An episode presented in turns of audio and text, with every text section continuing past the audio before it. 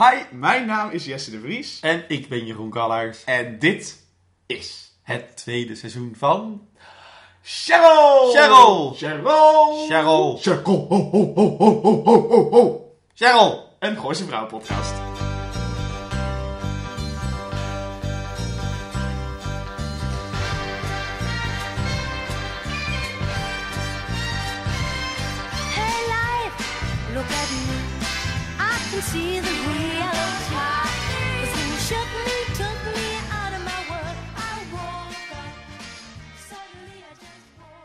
Dit is een podcast waarin Jeroen en ik met een kritische blik gaan kijken naar onze favoriete Nederlandse dramaserie Gooise Vrouwen. Ja, ja. Elke week bespreken wij een aflevering van Gooise Vrouwen met een scherpe, edoch, vermakelijke analyse Oh. en een versnapering. Ah. Ik heb hem vernieuwd. Ik was een soort publiek met reacties. Ja. Oh. Was hij goed? Ja. Zeg maar scherpe, edoch, vermakelijk? Ja, ja, ja. Heel erg eh, eloquent. Nou, dankjewel. Jeroen, seizoen 2 is begonnen. Ja. Zowel voor Gooise Vrouwen als voor Cheryl. Ja. Is het toevallig? Ja. Zeg gewoon overal ja. Ja. ja.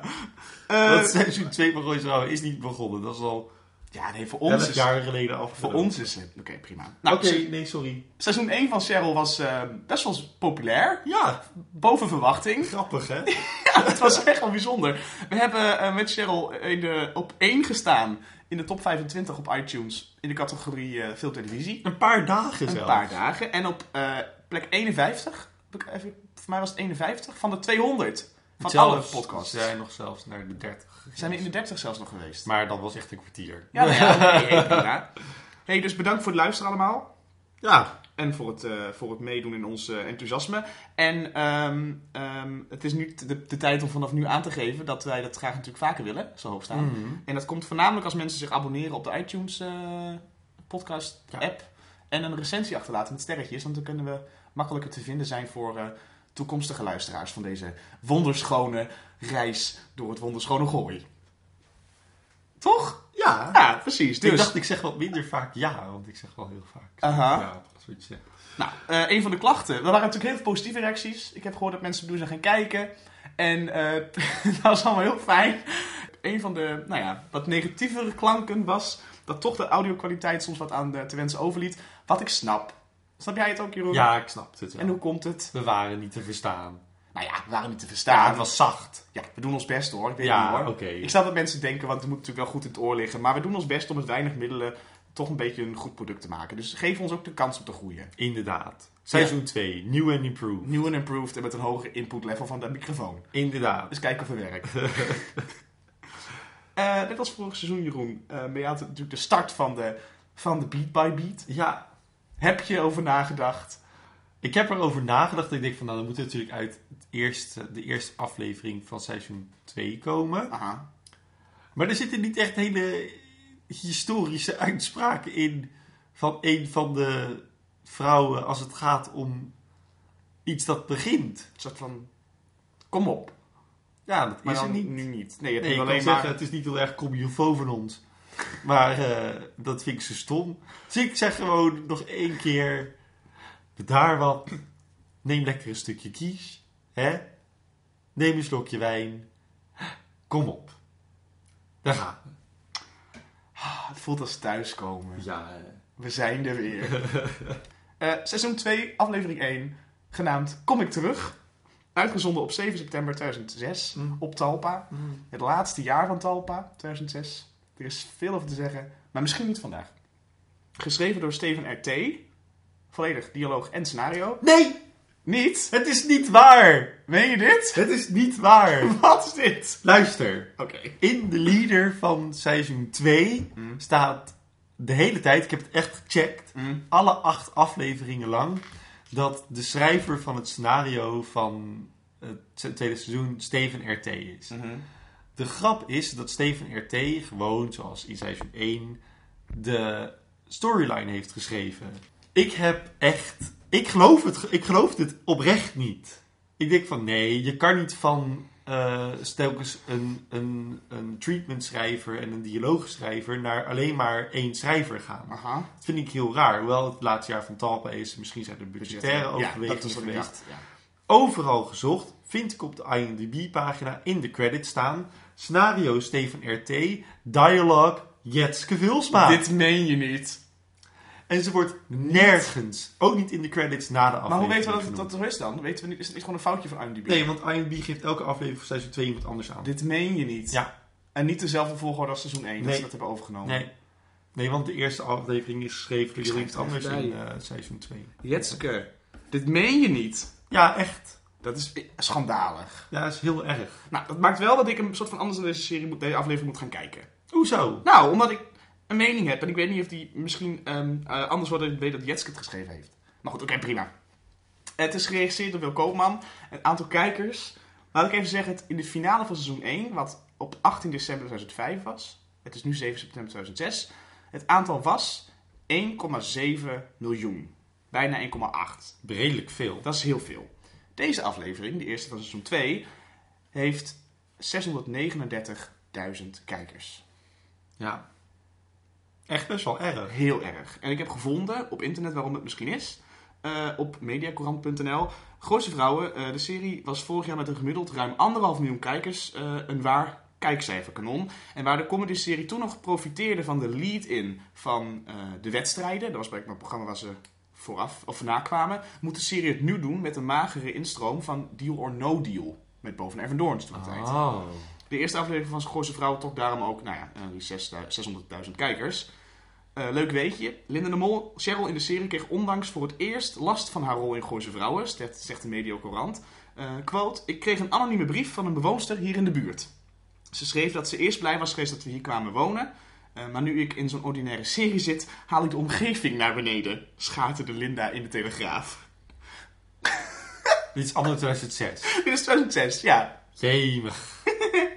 Oké, dus dat is eh, wat het is. Ehm, ja. Ze beginnen met een laag aantal. Eh, ja, ze beginnen met een laag aantal. Ik ben benieuwd wat de rest van het seizoen gaat doen. Vorig seizoen in Gooise Vrouwen. Martin heeft heel erg terugzaad. Cheryl blijkt toch zwanger te zijn. Maar de vraag is, van wie? Ze heeft immers ook seks gehad met Tom, de ex van Anouk. Willemijn en Evert maken zich klaar voor de scheiding. Claire vindt een buitenlandse jongen in haar dochter Merel de kast. Het gooi is uiterst vruchtbaar, want ook nanny Tippy Wan is zwanger. Roderick Lodewijks blijkt de vader, maar voor 100.000 euro van Evert laat ze het wegzuigen in Bangkok. Claire heeft een vriendje Max, die samen met haar geld wegkaapt bij illegale casino's. Anouk, die wil eindelijk met Tom trouwen opnieuw. Maar die laat eh, haar na een aanzoek in de vrieskou staan, omdat hij in de war is vanwege Martin de Zaad. En of die wel of niet vruchtbaar is, en of hij dan misschien de vader kan zijn. En Claire wordt op weg naar een feest bij de Morero's door een onbekende dader in het zwembad geslagen. Knock-out drijven wij de cliffhanger van seizoen 1 in. Oh. Seizoen 2 begint. We zijn in een ziekenhuis waar Claire van Kampen, ingevlochten in bedrading en beademing, ligt te herstellen of dood te gaan van haar ongeval. Cheryl Morero en Willemijn Lodewijks kijken van een afstand naar hun goede vriendin. Het is één en al ellende, Jeroen. Gelukkig heeft Willemijn een kies gemaakt. waar Anouk Verschuur, die later aankomt lopen, zich gelijk aan vergrijpt. Een willekeurig langslopende dokter geeft alle expositie om te snappen dat Claire op het randje van sterven ligt. Hij zegt, haar schedel kan beter op tien stukken, in tien stukken liggen dan dit. Met deze wijze woorden laat de beste arts de vriendinnen achter. En terwijl Willemijn Anouk haar jurkje weer een beetje goed legt, vertelt Anouk dat haar ex-man Tom van de aardbodem is verdwenen. En daar is Merel van Kampen, het kind met een allochtoon vriendje. Je kent haar wel. De vriendinnen houden hun tranen niet in bedwang. Goddank is er kies. In de volgende scène scheurt Cheryl het grindpad voor de huis op als daar een leren jekje op haar staat te wachten. Het is Tom. Er moet gepraat worden. Martin doet ondertussen voor het eerst in de geschiedenis van Gooise Vrouwen aan multitasken. Hij studeert een liedje in en hij scheert zich. Hij hoort Cheryl haar auto brommen en ziet haar vanaf het balkon met Tom wegrijden. Daar zit een vreemd luchtje aan. Of is dat zijn beschuimde bovenlip? Martin vindt er het zijne van. Bij de Lodewijkjes rijdt even de oprit op en er valt weer een slachtoffer in de ellendige scheidingsstrijd. De fiets van dochter Louise. Ach. Eloïse. Eloïse. Ach, wat zou het, zien we even denken. Hij heeft heel andere belangrijke dingen aan zijn hoofd. Waarom staat er bijvoorbeeld een berg meubels buiten? Het wordt hem duidelijk dat Willemijn een grote schoonmaak aan het houden is. En daar oprecht een hilarische dialoog van Evert en eh, Willemijn, waarin ze zo van... Jezus Christus! Zo, dat... Echt een van de beste scènes van deze aflevering. Dat Evert komt binnen en Willemijn die is een tafeltje aan het verschuiven. En Evert is het er niet mee eens. is maar Evert heeft niks te zeggen daarover. Dus dan krijg je een soort van ruzie en frustratie al om. En het is zo kort en zo goed geacteerd. Dat ik echt... Dit vond ik wel enig. Het is, het is waarschijnlijk gewoon, zet de camera maar aan en we doen wel wat. Ja, precies. Weet je dat? Ja. Nou, Evert die eh, passeert uiteindelijk toch het eh, kastje van Willemijns moeder, die ondertussen stuk is gegaan, stapt naar boven naar zijn zoon Roderick. En aangekomen bij zijn oude slaapkamer ziet Evert dat Willemijn het geheel heeft veranderd in een luxe kamer, net als bij de Van der Valk. In de showroom. Het ziet er verschrikkelijk uit. Eh Roderick komt aangelopen uit zijn kamer en Evert vraagt hem op de man af of hij seks heeft gehad met Tippy. Tja, daar doet de tiener een, tiener een beetje blasé over. En of er een condoom is gebruikt, misschien de eerste keer, maar daarna weet hij het niet meer. Blijkbaar zat het bloed die bewuste avond niet in Roderick's hersenen. En Evert stond daarop boos de trap af. Roderick vindt zijn vader maar belachelijk. En ach, het is ook weer tijd om te masturberen na zo'n gesprek over seks. Tieners, ze denken maar aan één ding. In de auto bij Cheryl heeft Tom eindelijk eens goed nagedacht. Het welzijn van de baby, dat is het allerbelangrijkste. Hij heeft het namelijk al eerder mis zien gaan met kind Vlinder. Dus Cheryl moet van Martin scheiden om met Tom te trouwen. En die liefde, ach, dat groeit wel. Of zo. Het is totaal wild. Nou, eh, Cheryl laat zich niet zomaar uithuwelijken door de eerste de beste piloot. En wuift dit briljante idee weg. En Tom moet een keer ophouden met dat gezeur. Het kind is toch van Martin. Precies. Tippy Wan is op weg naar Bangkok. eh, maar gelukkig is Evert nog net op tijd om haar op Schiphol 10.000 euro te geven. En hoewel dit niet het afgesproken bedrag is, Evert houdt voet bij stuk. En als Tippy niet snel de kleine Aziatische beentjes laat werken, staat Evert niet in voor zijn eigen acties. Run, Tippy, run! Daar gaat ze met de... Ziet er kerel met stress in de kop. Ik moet van die man af. Anouk wil ondertussen informatie over Tom, maar degene aan de andere kant van de lijn geeft geen gehoor aan dit verzoek. Vlinder komt binnen en ze heeft dus honger. Nou, dan pakt ze maar een stuk ontbijtkoek. Ontbijtkoek? Ja, Vlinder, ontbijtkoek. Waar is Tippy van? Vraagt ze terwijl ze restjes uit de wasbak vist. Nou, die is iets aan het doen met familie of zo, denkt Anouk. Maar dat weet ze ook niet helemaal zeker. Ze maakt zich meer zorgen over die lul, Tom. Het is avond en Cheryl is na een lange dag heel wulps en klaar voor een beetje seks. In een kamermeisjeskostuum komt ze even checken of er bij eh, Martin nog eens eh, gezogen moet worden. Of het alles er goed bij ligt. Martin vindt het hilarisch, Maar schiet seks, zich eerst helemaal de pleur is. seks zit er vanavond niet in. Hij vraagt Cheryl daarom maar of ze Tom heeft gesproken. Ja, zegt Cheryl, maar dat ging enkel over Anouk die bij hun op het feest in de vrieskou is laten staan toen ze hem ten huwelijk vroeg. En net als Cheryl de outfit van latex kraakt ook Martin zijn stem enorm.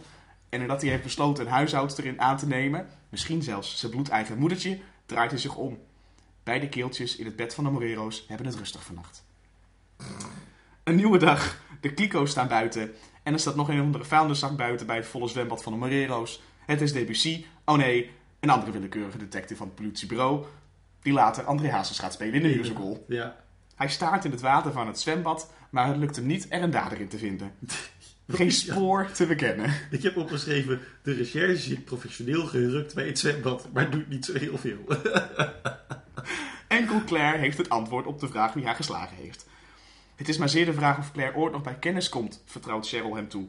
Tja, leuk is anders hè, zegt hij. Kijk, dat is nou eens klantvriendelijk. En Cheryl vindt inspecteur Vlijmscherp maar een verschrikkelijke eikel en ik ben het met haar eens. Evert krijgt in zijn hotel de rekening voor zijn verblijf en die rekening is hoog. Dit kan Evert nooit blijven betalen, blijkt. Ik vind die rijkdom in Gooise Vrouwen echt het meest suggestieve en relatieve ever. De ene aflevering zijn ze rijk, kunnen ze 10.000 euro ophoesten en daarna kunnen ze niet de rekening van een hotel betalen. Ja, de rekening was wel 5403. Ja. Drie, godsamme. 5432 euro 10. Wat dus letterlijk staat er 54321. Oh nee, oh, dat is ook wel slecht. Netjes. Willemijn, Anouk en Cheryl zitten aan de toastjes rosbief, Franse kaas en paté ja. en bespreken Tom zijn whereabouts. Anouk maakt zich enorm veel zorgen over Tom en vraagt Cheryl of ze hem heeft gesproken. Cheryl liegt, Nou, waarom zou ze hem spreken? Het onderwerp wordt behendig veranderd door Cheryl. Hadden Anouk en Willemijn nog seks tijdens de zwangerschap? Nou, Willemijn niet. Dat is een hele andere fase van het leven. Moeder worden, dat geeft voldoening. En daarbij, mannen krijgen gewoon een lage libido als er helemaal een kind is. Anouk lacht het weg. Zij en Tom hadden alleen maar seks. Nou, trouwens, is die politie nog een beetje goed bezig? Je merkt hier dat het scenario in de zesde versnelling moet om echt Ja. heel veel plot te duwen. Ja. We gooien in één scène drie verschillende verhaallijnen. Ram! Laten we anders Holtrop bellen. Je weet wel, die homoseksuele vriend van de scharrel van Anton. Ja, Die is betrouwbaar. Rot op. Of, beter nog, laten we de aller, aller, allerbeste regisseur van de wereld bellen. Debussy! Nee! Maar ook gewoon hoe klein is de wereld in het gooi. Wij kennen twee regisseurs. Ah, Debussy komt terug. Anouk is het met me eens, maar moet helaas instemmen, want boven Everdoorn zit er in de kleedkamer te wachten op zijn scènes. Ja, Hij was er al. al vanaf aflevering 6. En nu heeft hij ook een eigen programma ervoor, dus is, ja, hij zit er klaar. Oh, verschrikkelijk. Claire heeft een coma-droom over haar wijleman Anton en dochter Merel. Het is een nachtmerrie, ze krijgt een hartstilstand en de dokters die helpen er op een gemakje terug de wereld in. Er is geen haast daar in dat ziekenhuis. Deze lopen allemaal heel erg zo. No, no, no. Anouk raapt alle moed bij elkaar en belt Debussy. Tippy brengt Vlinder to school yes. Het is een dag als alle anderen. Willemijn ziet Evert door de achtertuin lopen. Zolang ze niet gescheiden zijn, vindt Evert dat hij nog prima over het gezond mag lopen. En nu ze toch aan het praten zijn, Roderick kan ook wel een hartig woordje gebruiken. Eloïse, die heeft na een hele dag niet de fiets te gebruiken, eindelijk de fiets gevonden. Die is stuk. Welke ASO doet nou zoiets? En hoe moet Louise nou naar school? Na een hilarische blik van moeder en dochter naar Evert wordt er besloten dat Evert daar naar school moet rijden, want een dochter van Willemijn die gaat absoluut niet met de bus. Dat, dat kan niet. Martin heeft een nieuwe achtergrondzangeres nodig, of een nanny. Nou, het lijkt hetzelfde. Cheryl is het er niet mee eens, ondanks dat Martin aangeeft niet met Lena uit Zweden, Daphne met de kraaloogjes of Naomi van 20 te willen seksen. Hij heeft zijn lesje geleerd, een ezel loopt niet twee keer tegen dezelfde steen. Cheryl die wil geen nanny, punt uit. En weg is Cheryl. En het is stoten, Martin. Louise weet niet wat links en rechts is, waardoor Evert aan ons kan laten zien wat voor een ongelofelijke klootzak hij is tegen zijn kinderen. Bij school aangekomen ziet Evert tot zijn grote verbazing Tippy Wan lopen en na een spannende achtervolging door het bruisende winkelcentrum van het Gooi loopt hij Tippy vast tussen Anouk en een winkel. Anouk raadt Evert aan rode broeken te kopen en Evert kan niet anders dan Tippy met Anouk weg te laten gaan. Onder het genot van het liedje Gangster Paradise is daar eindelijk op verzoek van alle fans Debussy. Anouk biedt hem een spannende opdracht aan voor veel geld. En hoewel Debussy blijkbaar omkomt in het werk, heeft hij wel interesse. In Anouk in ieder geval. Als ze wegloopt, gaat het weer een keer slecht met Claire, maar ze gaat nog steeds niet dood. Martin loopt te pielen met het C-akkoord. Nou, dat nie- nieuwe liedje vraagt inderdaad heel veel repeteren. En Cheryl wordt gebeld en loopt naar buiten. Sinatra, de hond, wil weer eens vluchten, maar wordt met een haklaars tegen zijn kop terug de schuifbui weer geduwd. Ik heb opgeschreven, had ze toch weer bijna Sinatra onthoofd. Ze is met die honden, ik snap niet zo goed waarom Cheryl honden heeft. Is het is, of het is de poort open laten staan of het is de deur te snel dicht doen. Dat arme hondje. Tom is aan de lijn. Hij wil een DNA-test. Op die manier heeft Cheryl een gegronde reden om Martin te verlaten of zo. Tom moet zich niet zo druk maken over Cheryl. Laat hij zich maar even druk maken over Anouk. Je weet wel, de moeder van je andere kind. Je weet wel, die je verwaarloost. Je weet wel, wat je in het begin zei nooit meer te willen doen, dat ze er last van heeft. Debussy hoort Cheryl aan Tom vertellen dat hij Anouk in de vrieskou heeft laten staan. En Cheryl is even kwijt wie de Debussy precies is, want ze heeft al zoveel man in de zwembad gehad. Koffie? Debussy vertelt binnen dat Max, het vriendje van Claire, tijdens het feest is opgepakt in een illegaal casino. Dan heb ik een side note. Claire woont naast Cheryl. Ja. Toch? Is dat zo? Ja. Oké, Of in ieder geval, in ja. de buurt. Ze kan vanuit haar raam kan ze in de achtertuin kijken. Dat is waar. Ze liep naar het feest toe toen ze werd geslagen. Vanaf haar huis naar Cheryl is het dus een paar minuutjes. En voor ze vertrok had ze die jurk al aan, want Max heeft er nog mee naar boven genomen voor een snel potje neuken, waarna ze dus weer door kon. Ehm, is Max in de tijd dat het kostte voor Claire om naar Cheryl te gaan, naar het illegale casino gereden, want dat is zijn alibi. Want Debussy zegt, toen Claire in het zwembad lag, zat Max achter slot en grendel. Right? Dat betekent dus dat Max een illegaal casino heeft bezocht in het gooi. Want hij kan nooit in die paar minuten in een illegaal casino gekomen zijn en opgepakt, waardoor Claire is neergeslagen. Maar dat illegale casino van, af, van seizoen 1 was er ook al in het gooi. Tenminste, ja, dat zeggen ze niet. Dat maar zeggen ze niet. dan... Maar dan moet het op loopafstand zijn van Cheryl de Huis. Ja, Dus die theorie van jou over die 10.000 euro die eh, Claire heeft gekregen en dan de pen, penningmeester kwijt was, ja. dat is een beetje een vaag verhaal. Dat is nog niet zo gek als je erover nadenkt dat er een illegaal casino in de buurt is. Ja, ja, ja, er zijn gewoon shady dingen aan Er zijn de shady shit aan de Ja, want het, het, het hydroslankgeld wat naar Cheryl ging was 100.000 euro. Cheryl geeft 100.000 euro aan Claire. En dezelfde dag nog is er 100.000 euro kwijt de bij, penningmeester. eh, bij de penningmeester van de eh, golfvereniging. Mhm. Golfvereniging? De. Tennisclub. Ja, dat is inderdaad een beetje moeilijk. Er zit een soort van. Ja. Achtergrondverhaal waar we niets over gaan zeggen in de hele serie natuurlijk. Want het is waarschijnlijk geen achtergrondverhaal. Het is waarschijnlijk gewoon, we zijn te mieren ook. we hebben het leuk bedacht. Eh, Martin die wil dat het hele gedoe snel wordt opgelost. Hij heeft al genoeg in die bladen gestaan.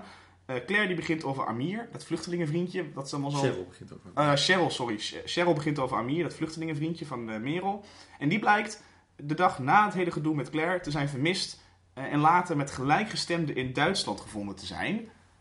En ik dacht gelijk, zit is nou serieus het enige allochtone personage in de serie te beschuldigen van terrorisme? Is dat serieus wat ze doen in 2006? Ja, terwijl hij dat absoluut niet was. Terwijl het absoluut niet was. Juist, hij was juist een voorbeeld. Ja, precies. Ik vond het schandalig toen Ik het hoorde. Ik was slecht. echt boos.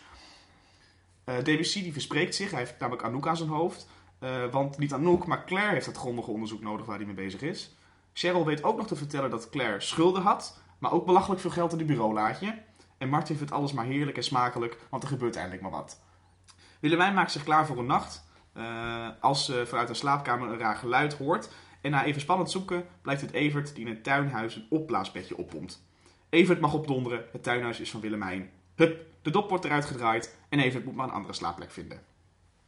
Tom is dronken en die drinkt een melancholisch biertje in de plaatselijke bar als hij Evert tegen het lijf loopt. Wat moet hij nou doen nu hij weer vader is van een andere vrouw? En die arme Anouk. Och, wat moet Tom toch doen? Och, och, och. Nou, Evert die vindt dat hij moet trouwen, want iedereen is toch gek op Anouk.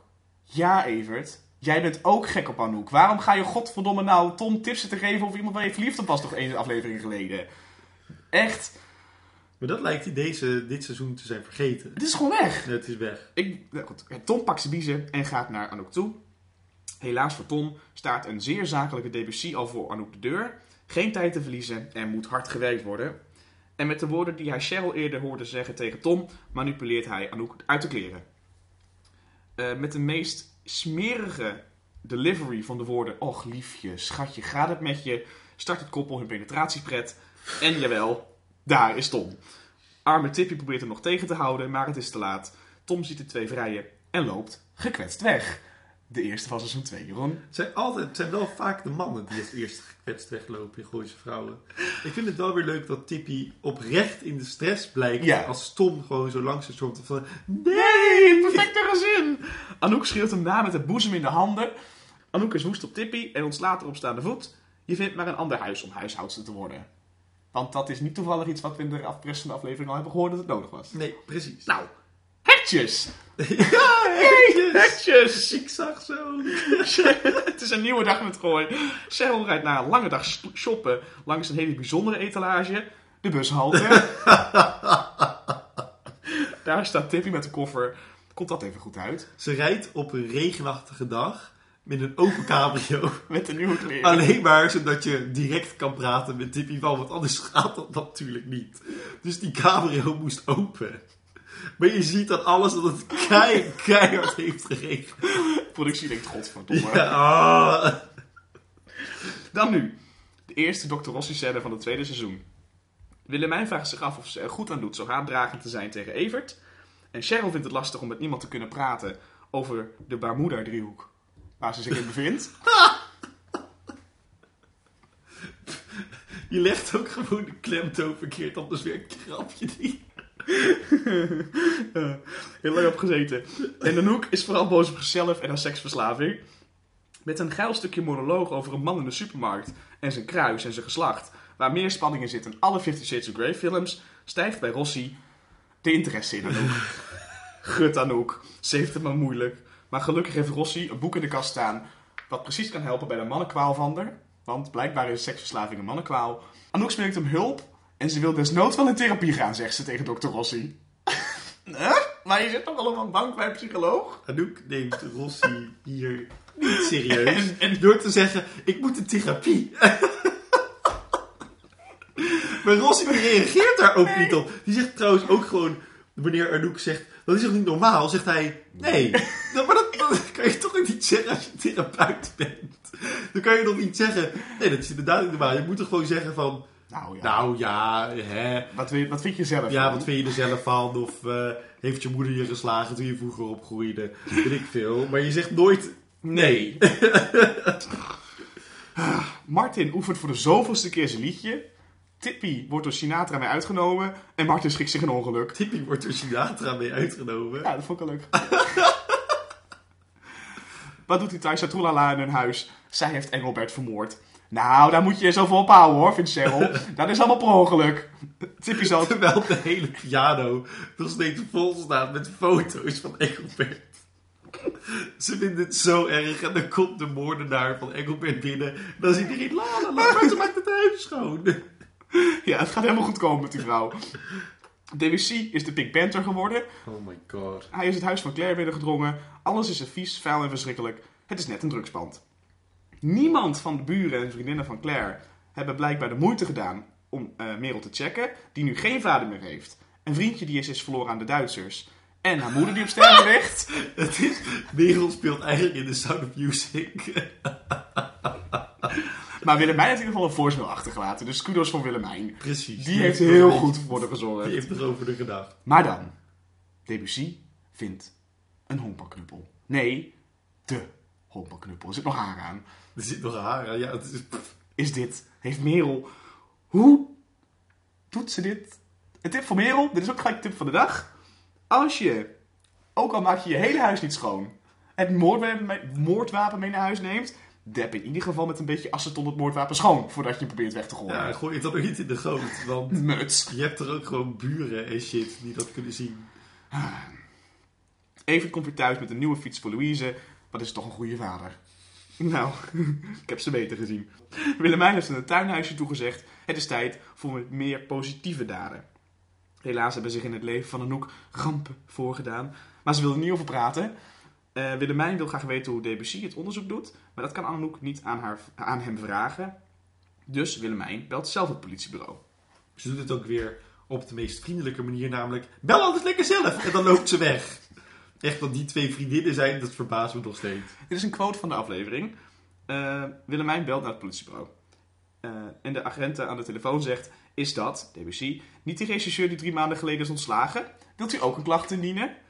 Blijkbaar is hij, en ze haalt nogmaals voor de mensen achter in de zaal... dat die man drie maanden geleden is ontslagen... omdat hij niet met zijn poten van de vrouwelijke collega's af kon blijven... om maar te zwijgen over de vrouwelijke verdachte. Nou, lekker discreet van de politie. En daar is Debussy, die als bewaker voor een juwelierszaak blijkt te werken. En we horen hem nog een anonieme tip doorgeven aan de politie, waarin hij aangeeft het in de directe familiekring van Claire te zoeken. De doktoren van Claire vinden het maar link. Wachten of opereren. Geen risico's. Lekker afwachten tot ze doodgaat. Ze haalt de ochtend toch niet. Commitment, ik hou ervan. Er volgt een scène waarin de vriendinnen apart bij Claire in het bed zitten. Cheryl vindt een spreekgoed in Claire. Eh, ze is zwanger en het is van Tom en ze kan het tegen niemand zeggen. Willemijn komt terug op haar keuze Claire geen geld te geven. Die stomme principes van haar ook. Maar ze belooft het goed te maken door goed voor Merel te gaan zorgen, zoals ze al heeft gedaan. Anouk ligt op de grond, mooi gefilmd, dat stukje met Anouk. En ze kijkt naar Claire. Ze vindt hem maar een koude, harteloze bitch. Maar zowaar ze vriendinnen zijn, zal ze zorgen dat Merel niet hetzelfde eindigt. Die lieverd heeft ook nog zoveel in te halen, zegt ze. En ze vertelt Claire dat ze voor de zoveelste keer weer stopt. Met de mannen. Terwijl Willemijn een hilarisch en prachtig liedje zingt voor Claire, zit Claire nog altijd vast in het wagenvuur. Anton wil haar ophalen, maar de zoetgevoiste stem van Willemijn haalt haar terug richting het gooien. De monitoren piepen, de zuster kijkt naar een infuus, of doet in ieder geval een poging tot iets van dokteren. En dan, Claire wordt wakker. Credits. Jeroen, Yes, sir. dit was toch een verschrikking? Dit was, ja, ik vond het echt... Sprakeloos ben je ervan. Ja, ik vond het echt waardeloos. Ja. Ik vond het voor een seizoensopener... Nou, dan sla je gewoon de plank mis. Ja, seizoen 1 had nog een soort van die groot dat feest, dat moment van het samen zijn. Het hele, het gooi een beetje zo weer laten zien in zijn, in zijn groteske waanzin.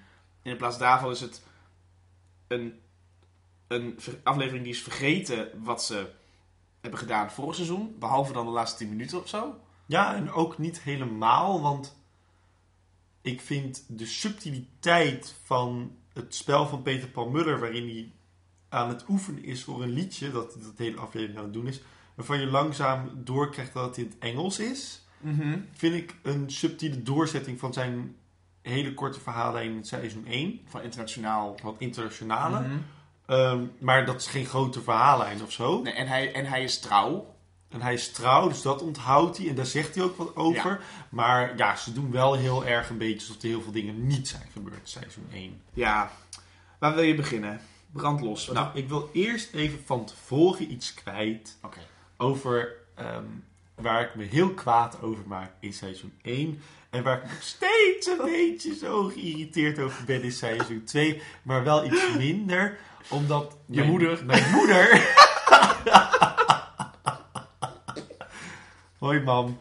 Ehm, ik had het met mijn moeder over eh, eh, eh, Tom en, en, en Cheryl. En dat, en dat Cheryl dan zwanger was van, van Tom ineens. En Mhm. dat dat, dat drama was. En ik zei tegen mijn moeder kwaad. Maar hij gaat volgend ziek de kerk uit. Dat kan toch niet? En toen zei mijn moeder. Nou moet je even gaan zitten. En dan even vertellen hoe dat precies werkt. Want volgend ziek de kerk uitgaan. Dat is dus een mythe. Want je kan ook zwanger raken van voorvocht. Aha. Dat heb ik opgezocht. Want je gelooft je moeder natuurlijk Want ik geloof mijn moeder natuurlijk niet. En dat is gewoon ook waar. Edoch. Edoch, heb ik punten van, van kritiek. Namelijk, oké, we moeten er sowieso van uitgaan dat ze het onveilig hebben gedaan. Want anders zou Cheryl niet het idee hebben dat ze überhaupt zwanger kan zijn Ja. van Tom. Dat is oké. Dat Kan ik in meegaan. Dat kan ik ook in meegaan. Maar deze optie wordt nooit hard gemaakt haha, in de serie. Dus ik kan nooit volledig zeggen: Oh, het komt omdat hij heel veel voorvocht had, waardoor ze dus zwanger is van Tom. Aha. Totdat ergens een keer wordt genoemd, blijf ik denken: het is het kind van Martin Ja, precies. Omdat het... Ja. omdat het niet wordt gezegd. En het is voor mij een groot probleem in deze hele aflevering. Ze laten op zoveel punten, en je merkt gewoon dat ze het doen omdat ze het niet weten, het drama in het midden. Ja. Jij zei in de vorige aflevering, de laatste van Cheryl, eh, dat jij het een zwakte vond van een maker om niet te laten zien wat belangrijk is. Juist. Maar Chekhov doet het ook. Of, Ja, maar het is Chekhov zijn stijl om het te doen. En dit is, en dit is En dit is, dit is televisie. Dit is, televisie is show don't tell. Ja, oké, dat is Laat waar. het dan nee, zien. Ja, je, als, je, als je bij televisie steeds gaat doen van... Oh nee, maar alles is net gebeurd wat de kijker wil zien. Ja, dat vind ik gewoon stom. En Chekhov doet dat op een hele andere manier. Omdat het theater namelijk een ander middel van communicatie heeft. Omdat het is een andere middel van communicatie, maar ook omdat hij het op zo'n manier brengt dat je denkt van, oh, het gaat steeds om de momenten ertussen. Dat is wat Chekhov doet. Chekhov is heel erg gefixeerd in, wat doen die mensen tussen al dat drama? Hoe gaan Ja, ja, steeds ja. om met die ontwikkeling? In plaats van, oh, de drama gebeurt. We weten allemaal dat dat drama gebeurt. Zo gaat Chekhov om het drama. Maar zo gaat een dramaserie niet om met drama. En zeker Gooise Vrouwen. En niet. zeker Gooise Vrouwen niet. momenten. Ja, dat klopt. Nee, dat is oké. Dus dat Dus- voorvocht hebben we nu niet getackeld. Maar heb je vrede met het voorvochtincident? Ik zal er minder over klagen, maar ik ben nog steeds niet tevreden. Oké. Nou ja, Tom ook niet. Hij heeft nog steeds blauwe ballen. ervan. Inderdaad, ja. Ja, dan we toch over Tom beginnen. Ehm, eh, ik, snap, ik snap Tom niet. Ik snap niet wat Tom denkt, wat hij doet en wat zijn motivatie is voor deze hele aflevering. Hij zegt letterlijk zelf: Ik moet er voor mijn kind zijn, maar dat was ik vroeger niet. Dat is wat hij zegt. Ja, In, in welke wereld leeft hij dat een wereld beter is voor het kind waar Cheryl van superster Martin gescheiden is en een affaire heeft met haar beste vriendin, de ex, beter dan Bij Martin blijft? maar hij forceert haar ook erin. Ja, het is- ik, oh, ik kan daar gewoon niet bij. En dan, en dan niet eens, doen- laat dan ook zien dat hij moeten voor Vlinder blijft doen. Maar zelfs Vlinder weet niet waar de vader is. En dat vindt, vindt ze niet erg. Ze vindt het erger dat ze geen ontbijtkoek, dat ze ontbijtkoek moet vreten. Dat vindt ze een probleem. Maar ik, ik kan... De kinderen zijn de vergeten generatie van deze aflevering. Ja. Ja, en terwijl Tom als Evert worden deze aflevering echt neergezet als ontzettende klootzakken. Ja. Evert is echt de grootste lul ever. En Tom ook. Want waarom komt Tom niet ook gewoon even naar Anouk toe? Er tussendoor. Waarom doet hij dat niet? Waarom blijft hij de hele aflevering dronken in het bonte paard in lagen hangen? Want er, daar zit hij. Op een hele lelijke manier, want Daniel Bosseveen kan niet echt dronken spelen Nee. in 2006. Misschien kan hij dat ondertussen heel erg goed, dat weet ik niet. Maar in 2006 had hij het niet nog een keer moeten doen. Dat was echt heel erg lelijk. En daar zit hij dan met Evert. En Evert maakt het ook niet echt heel erg veel beter. Nee. Het is, ik, ik weet niet zo goed wat er erger is. Stel, Tom was eerder naar Anouk gegaan. En die had tegen Anouk gezegd, Anouk, ik weet het niet. En Anouk had op dat moment, voordat ze bij Dr. Rossi was geweest, nog niet de ingeving gehad, ik wil weer verder. Want ze heeft tot, weet je wel. Ja, En daar hadden ze allebei een soort van, oké, nou, we weten niet waar we zijn, maar in ieder geval, het is niet goed. ja. En dat Tom dan in de kroeg besluit, oké, ik ga er echt voor. Ik ga die keuze wel maken om met jou verder te gaan. En dan Anouk met Debussy, Debussy ziet seksen. Dat is erger dan een hele aflevering negeren, waarmee je eigenlijk zegt, ja, het interesseert me niet wat je doet. Want ja, ik ben geen onderdeel van je leven, want ik neem bewust afstand. En dan nu een soort van boos worden dat, dat je, dat je ex-vrouw, die jij hebt nee tegen gezegd hebt, geluk zoekt bij een ander. Maar dit is, dit is al vanaf seizoen 1 hun drama. Ja, zo Alsof ze elkaar niet... nou, nee, alsof Tom Anouk niet kan loslaten, waardoor Anouk zich steeds verplicht voelt om terug te gaan naar Tom. Dat is een beetje het lijntje wat ze hebben. En dat is in, in die in, als je het zo zet, is het wel heel mooi. Het is een soort van paradox in hun relatie. Ja, het is de paradox. En ze zullen dus nooit bij elkaar komen. Nou, dat weet ik niet. Denk ik. Nou, op deze manier niet, nee. Ja, als ik het zo zie, denk ik van, nou, dat gaat, dit, nee, dit dat gaat niet lukken. happen. Nee. Ja, wa- waarom eh, ik ze allebei zo'n klootzak vind. Ehm, Tom, die, die, die is een beetje stalkerig achter Cheryl aan het aangaan. En beslist dronken en waarschijnlijk s'nachts dat hij terug moet naar Anouk. Op het moment dat hij weet, mijn ex-vrouw is dan het meest actief. Dus dan ga ik het dan maar belagen. Mhm. Een beetje je eigen problemen opzoeken of zo. En eh, Evert, die komt binnen deze aflevering op, een- op een manier waarop ik denk, ik vind je niet aardig. Hij komt het eh, erf oprijden van Willemijns huis. Als je in een auto zit, Jesse, ik heb geen rijbewijs hè, Mhm. dus dit moet je me even uitleggen.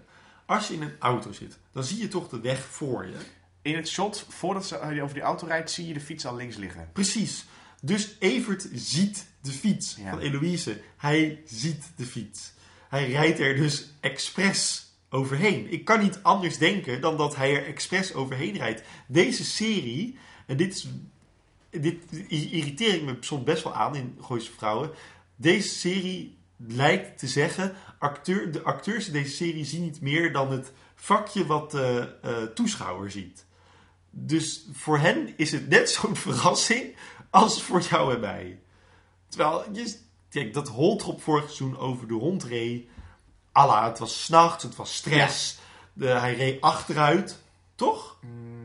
Nee, hij reed vooruit, maar toch. Hè? Allah. Ik kan, daar wil ik wel inkomen. En dat is een soort van het frame van de vertelling staat gelijk aan de eh, kaders die de personages zien. Ja, maar, en toch kan ik niet anders denken nu dan... Dat hij dat Ah, hij ziet die fiets toch liggen? Ja, en dan nog. Ik bedoel, ah, het is wel je dochter. Je bent in een scheiding. Je wil winnen. Je wil... Hij, ik bedoel, hij wil ook gewoon dat alles goed is. In plaats daarvan, de enige twee kinderen die je deze aflevering ziet, zich tegen het harnas. Ja, en hij wil haar dus niet eens brengen naar school. En als hij dan eenmaal haar aan het brengen is naar school, zegt hij... Ja, ik weet zelf ook al waar je school is. En ondertussen rijdt hij drie keer verkeerd. Ja, het is... En dan ook nog eens chagrijnig doen en een soort van... Ja, nee. Ik, even is deze aflevering ook zo onsympathiek.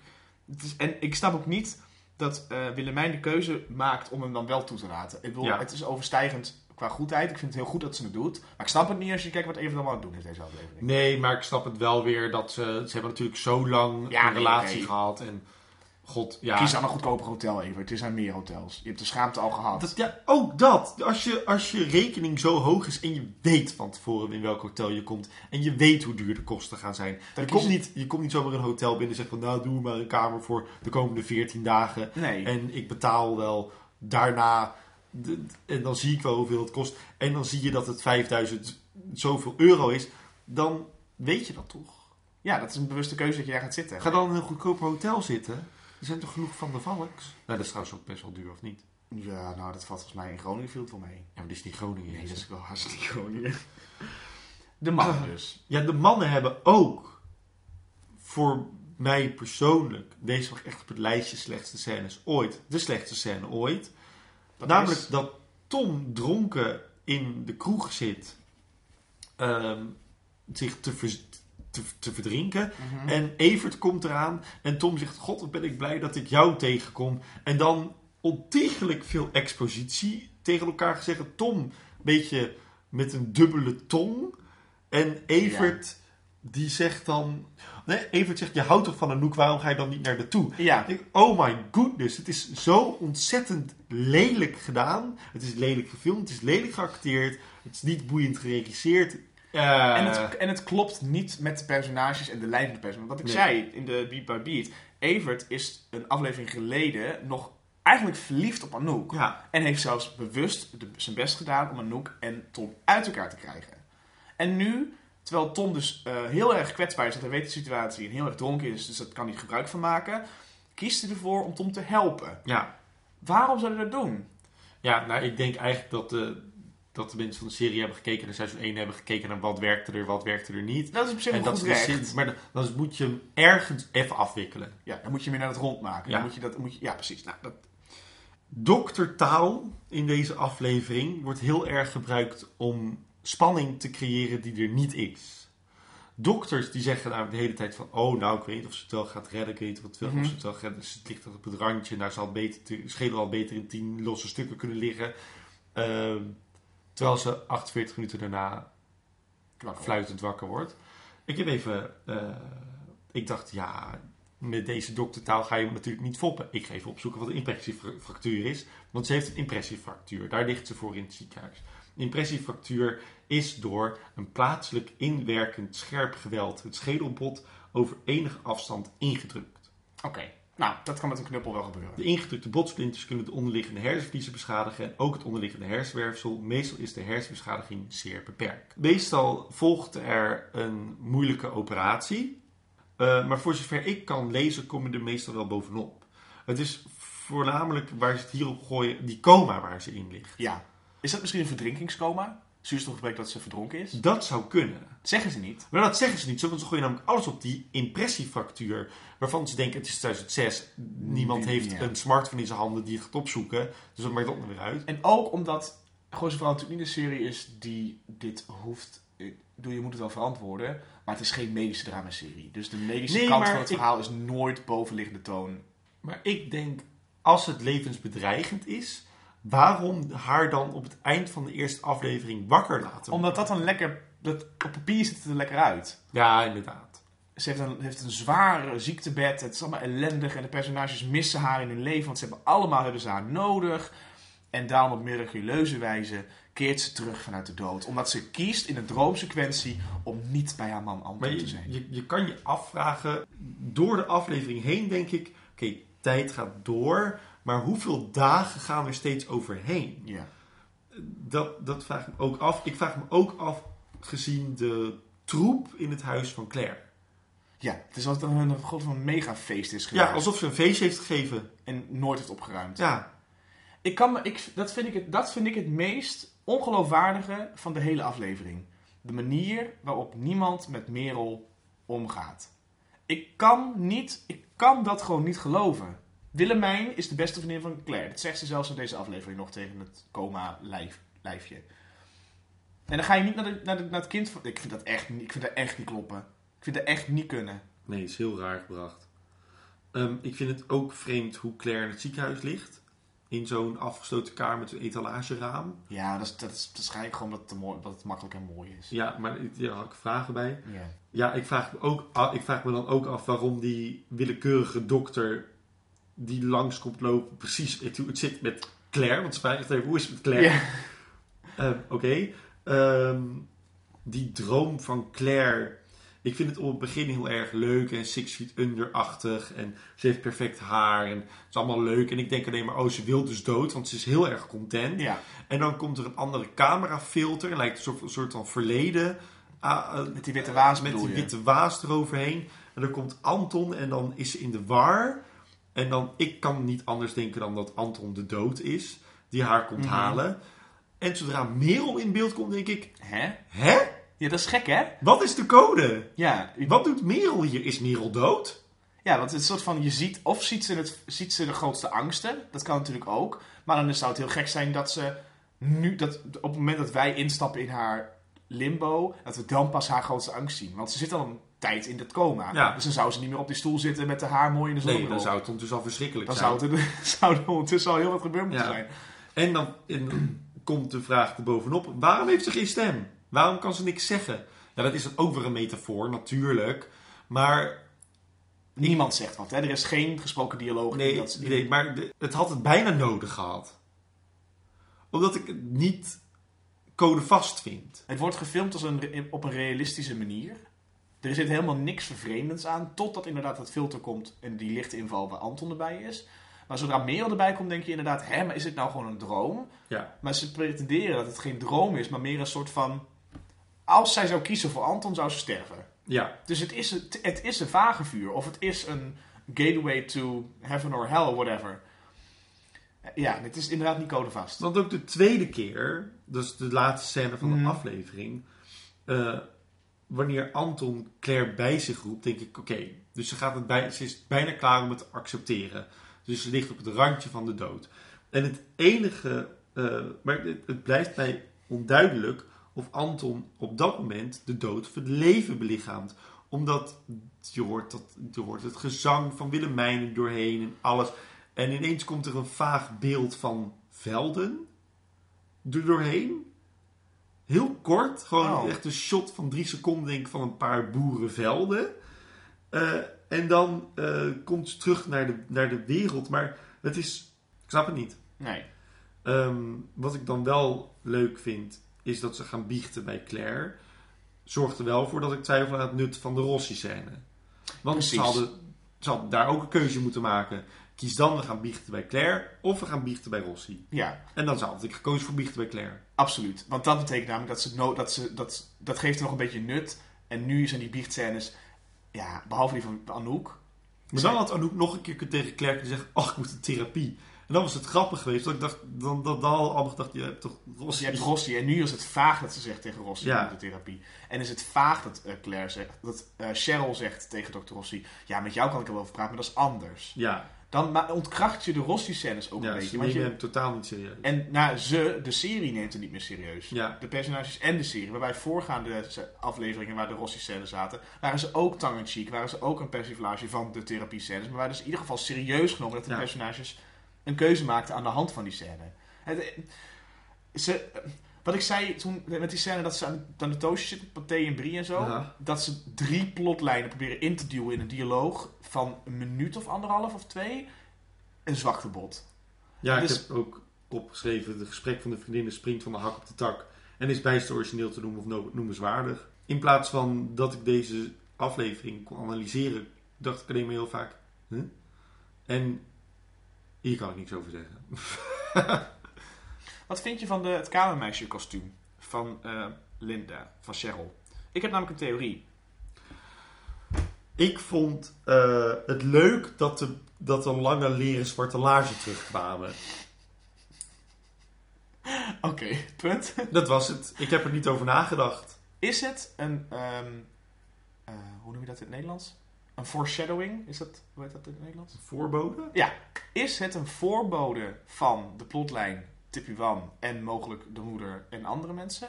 Of is Martin op het idee gekomen voor een kamermeisje, een huishoudster, vanwege het kostuum van Cheryl? Of is het toeval dat Martin begint over een kamermeisje nanny in het bijzijn van Cheryl in een kamermeisjeskostuum?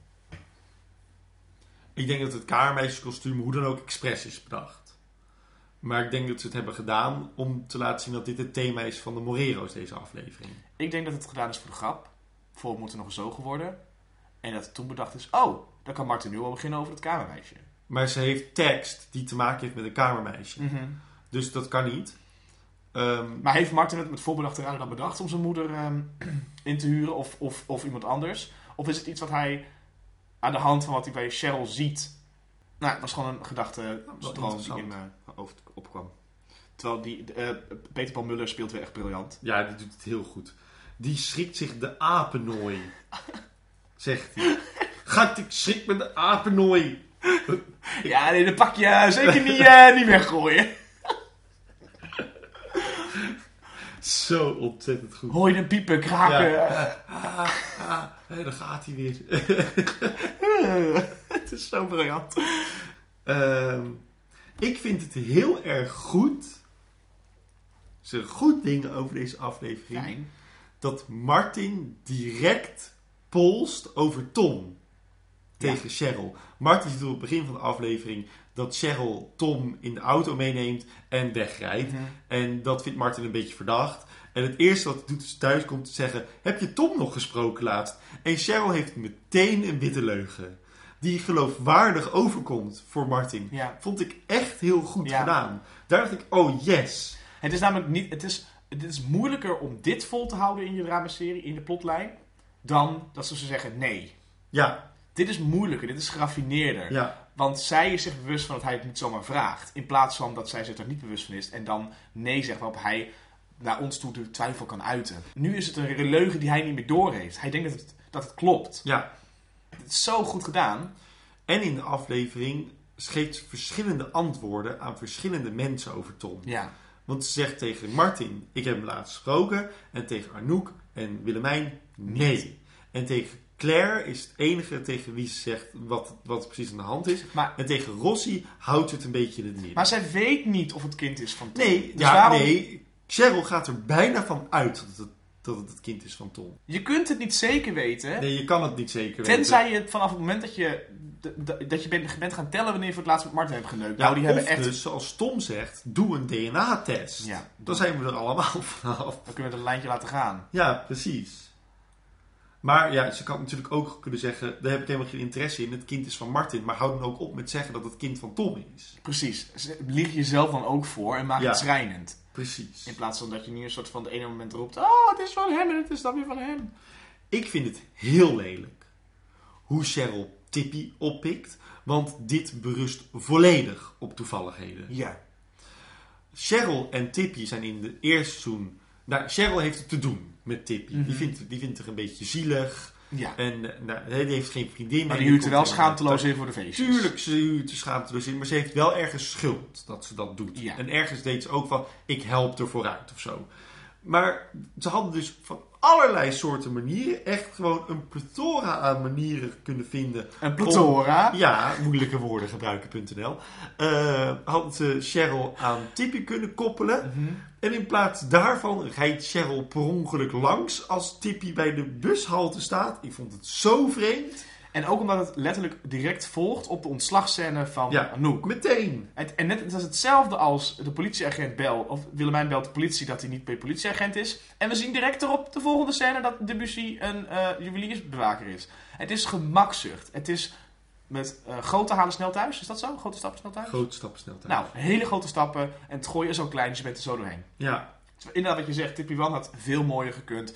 Eh, zij is een actrice die het makkelijk aan had gekund. Om iets meer geraffineerd, eh Tippy dan hè, om op een mooiere manier het lastig te vinden om weg te gaan. Omdat ze ook in deze aflevering, dat is wel weer raar, volledig oprecht is. Ze gaat oprecht naar Bangkok. Nou goed, ze gaat dat niet. Maar ze, zou naar Bangkok gaan. Ehm, nou, daar heb ik wel een probleem mee. Want ze zou naar Bangkok gaan. Waarom zien we er dan ineens twee scènes later... I will bring vrienden to school, yes. Daar heb ik ineens weer heel veel vragen. En ik, hè? Waarom ben je nou nu teruggegaan? En nu heb ik een theorie. mhm. Want we hebben in het gooi last van het eh tonverschijnsel. T-O-N, de N van Nico. Het tonverschijnsel heb ik bedacht. Namelijk, iedereen moet 100.000 euro krijgen om iets te kunnen doen.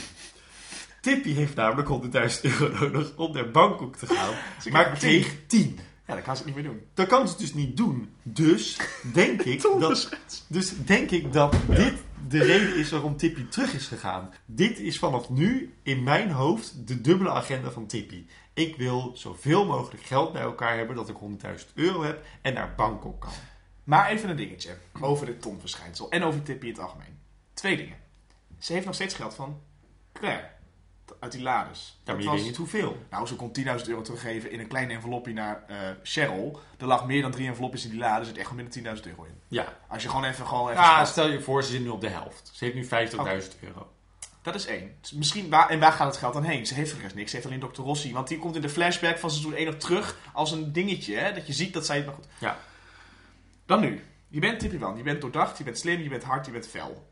Waarom ga je in godsnaam terug naar het gooien. Ja, dat snap ik ook echt Als je weet dat de man van jouw bazin, de vriendin, jou zo weer ziet. Ja, Ga dan naar, weet ik veel, Amsterdam-Zuid, waar geld zit. Of Ja. ga naar Houten.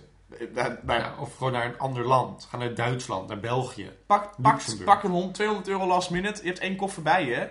Maar ja, ik, daar, ik snap het dus niet zo goed. Waarom Tippy terugkomt. Ja.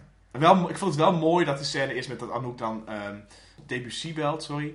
En dat Tippy dan offscreen zegt, I should cool, yes. Waardoor ik had van, oh, huh? Ja, Maar ze was toch weg? inderdaad. Dat vond ik leuk. Dat had ik ook. Dat was ja. een beetje manipuleren en Ja. gebruik maken van het ritueel. Want zij is natuurlijk, dat is een, ritu- een, ritueeltje wat ze heeft, die zin. En dan, dat, was, dat vond ik wel, wel, wel goed gedaan. En dat vroeg ook niet meer uitleg dan dat. Het was gewoon, ze is terug en shit is gonna hit the fan. Precies. Ja. ehm, waarom heeft Merel het gedaan? Ja, omdat een vriendje weg is en er is niemand aan het huis, dus ze moet het wel gedaan hebben. Maar waarom? Ja, eh, omdat Claire een slechte moeder is, willen ze denk ik gaan vertellen. Dat weet ik niet. Ik, ik weet niet wat ze gaan zeggen. Want dan denk ik, Merel is dus ontrekeningsvatbaar. Ze is dus onvoorspelbaar, extreem. Maar oké, dit is het ding. Ik denk dat ze aan het einde van seizoen 1 niet wisten wie het gedaan had. Ja, dat denk ik ook niet. Want Dat- als uh, Tjitske Reininga niet terug zou komen, dan kon het Merel niet worden. Want je kunt, dat, dat, dat kun je niet maken. Dan zou die casinoman zijn geweest of zo. Hadden ze daar iets mee kunnen doen. Of het was Max of whatever. En als ze wel terugkwam, dan moest het natuurlijk interpersonage drama zijn. Dus hadden ze misschien hadden ze Merel kunnen kiezen. Of Max, of die casinoman, of een nieuw... Er zijn zoveel opties en dit is de slechtste optie. Je kunt het nooit meer goed praten. Nee. Je kunt het nooit meer goed praten als Merel dit gedaan heeft. Merel heeft geen agenda. Ik, ja, ik weet niet waarom ze het gedaan heeft. Ik Nee. denk gewoon dat het op papier er ook weer leuk uitziet. Ik, heb er, ik had er echt een beetje veel, veel moeite mee. En ik had ook moeite mee dat het huis zo'n troep was. Want tot nu toe had ik niet echt bedacht dat Merel nou echt een heel rommelig personage is of zo. Een leuke scène vond ik de toastjes-scène. Dat ze dan zo'n toastje op tafel hebben liggen. Ja. En dat, dat Cheryl dan zegt: Nee, dat mag ik niet, die brieën. Oh, rospief. Ja, dit is ook echt. Gangster Paradise. Ja, nou, ja, Wil wil, je- ja, wil je daar wat over zeggen? Nee, blijkbaar hebben ze besloten dat een de- de- detective in een serie alleen maar kan gepaard gaan met cliché-liedjes van politie. De Pink Panther theme song en Gangster Paradise. En ehm, dat liedje dat eh, ook nog bij als Anouk en Tom uit elkaar gaan, dan is het eh, I can't make you love me if I tried. Dat liedje. Waarom, waarom zoek je liedjes uit die letterlijk zeggen wat je personages voelen? Dat doen ze in seizoen 1 ook al. Het is een beetje de stilo, denk ik. Is het gemakzucht? Omdat ze denken, anders snappen mensen het niet. Want dan heb je je publiek te dom. En dan verlies je mensen. En dan eindig je met 600.000 mensen. Ik denk bijna, als ik, als ik begin met schrijven, dan denk ik ook wel eens van... Oh, ik, ik begin meestal altijd met een liedje, omdat ik anders niet weet wat ik moet... Want dat soort van stijl en een sfeertje en en dingetje zo. Maar meestal is dat liedje wat ik heb gekozen wel rood op rood met de scène die er komt. Oké. En dan is de enige, enige stap die ik hoef te zetten is dat liedje uit mijn regieaanwijzing halen.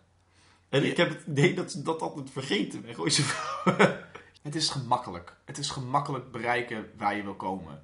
Ja, maar als ze dat eruit halen en dus een ander nummer inzetten, dan heb je, dat, dan heb je het hele probleem niet meer. Maar dat, dat doen ze dus wel de hele tijd.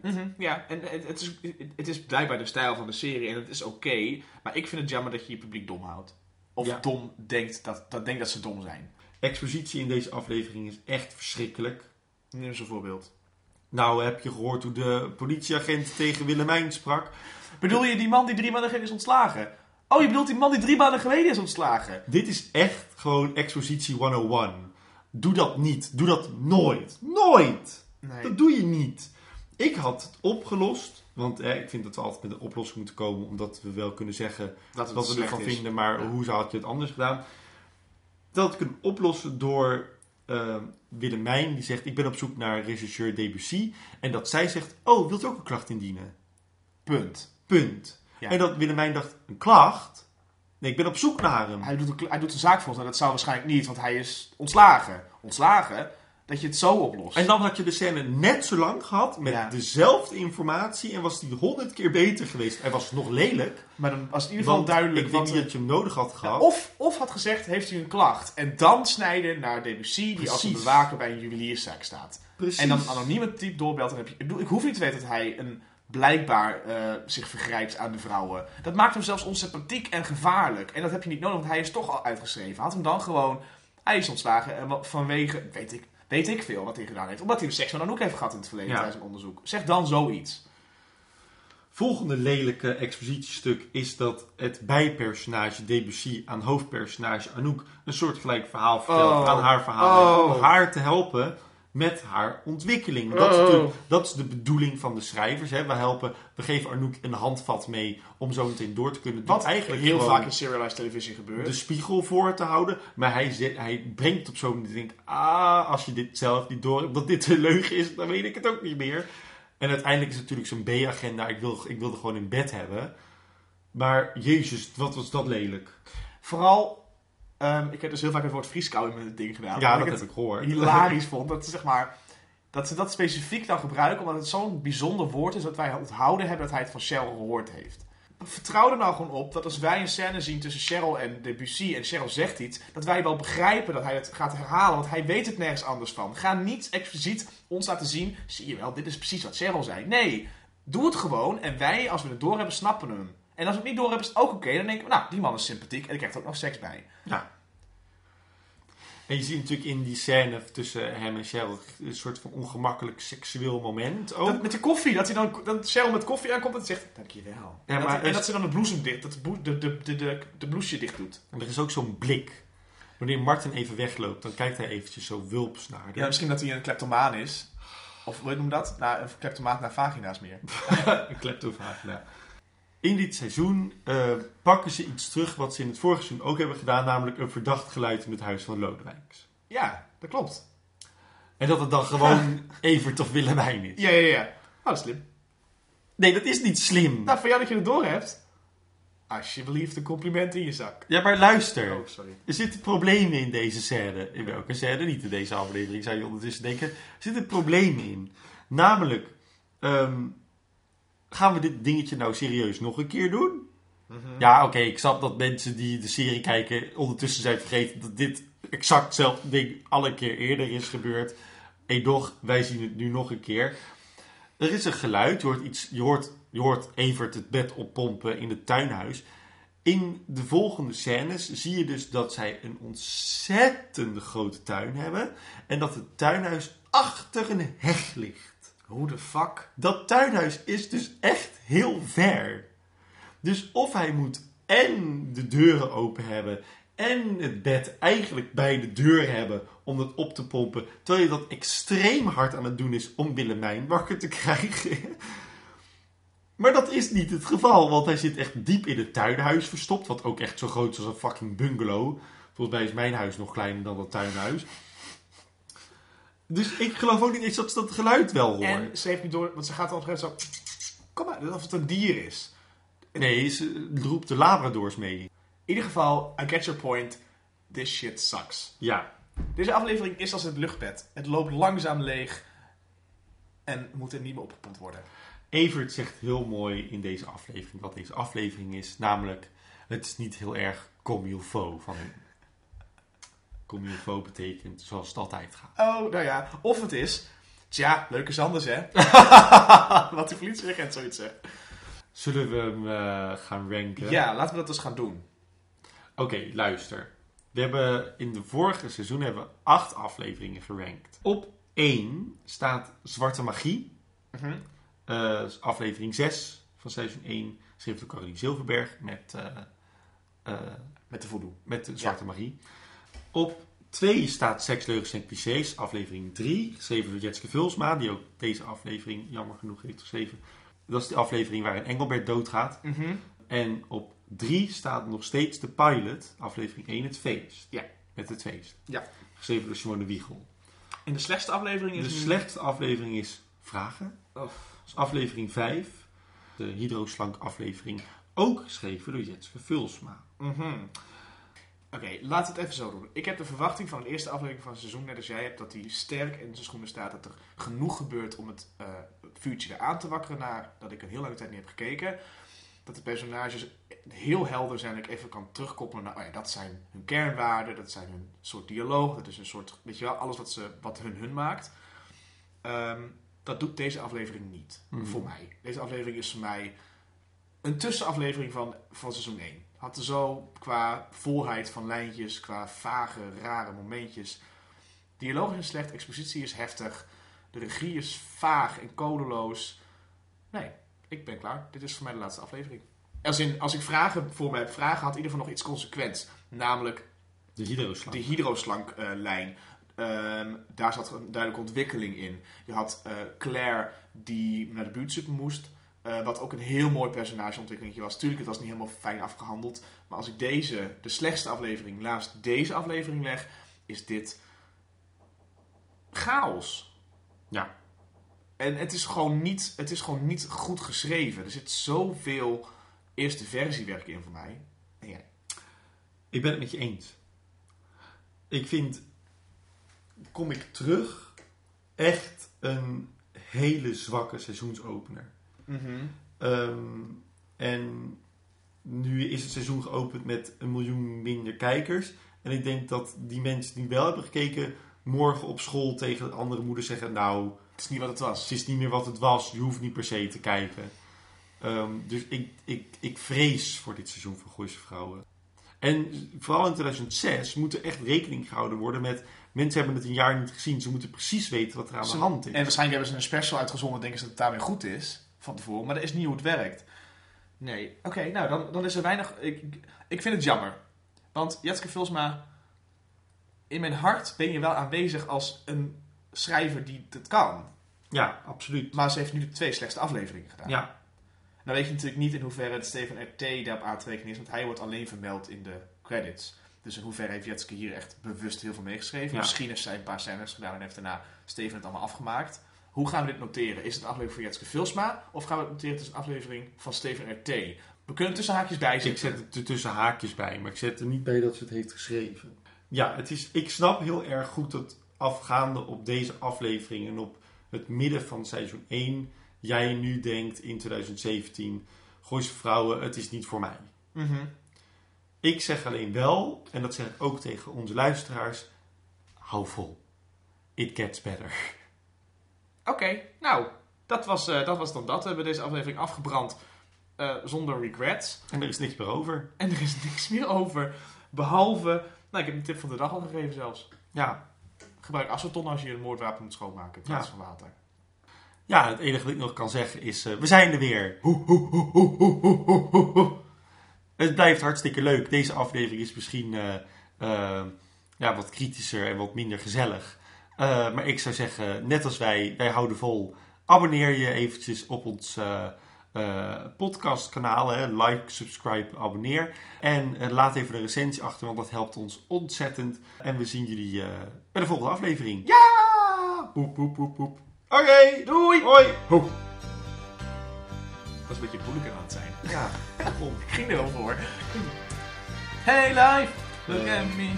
I can see the way you high ook ik heb niks gezegd over. over. over. Ehm, Cheryl, over. Uh...